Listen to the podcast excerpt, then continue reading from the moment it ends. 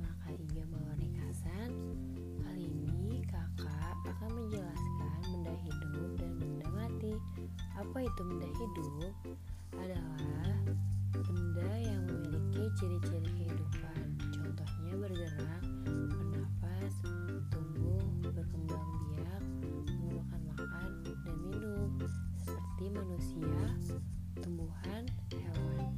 Lalu ada benda ciri-ciri kehidupan. Kebalikan dari benda hidup, contohnya kursi, buku, tanah, dan lain-lain. Lalu, cara membedakan benda dan bukan benda. Benda mati menempati ruang, memiliki massa, memiliki wujud. Lalu, bukan benda tidak memiliki wujud, tidak menempati ruang, dan tidak memiliki massa.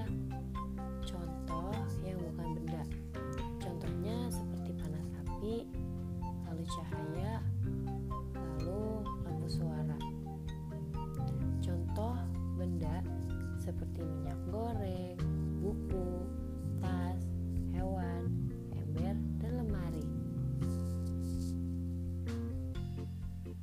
Sifat fisik benda yaitu ada warna benda, bentuk benda, ukuran benda, wujud benda, kekuatan benda, keadaan permukaan benda. Yang pertama, warna benda di sekitar kita mempunyai beragam warna.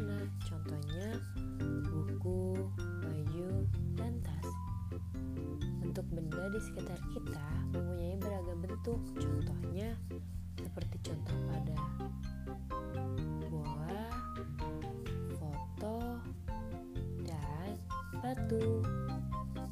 Lalu ukuran benda yang ada di sekitar kita mempunyai beragam ukuran.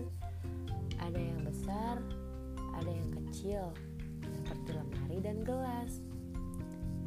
Kekuatan benda yang ada di sekitar kita mempunyai kuat sekali, ada benda yang sangat rapuh.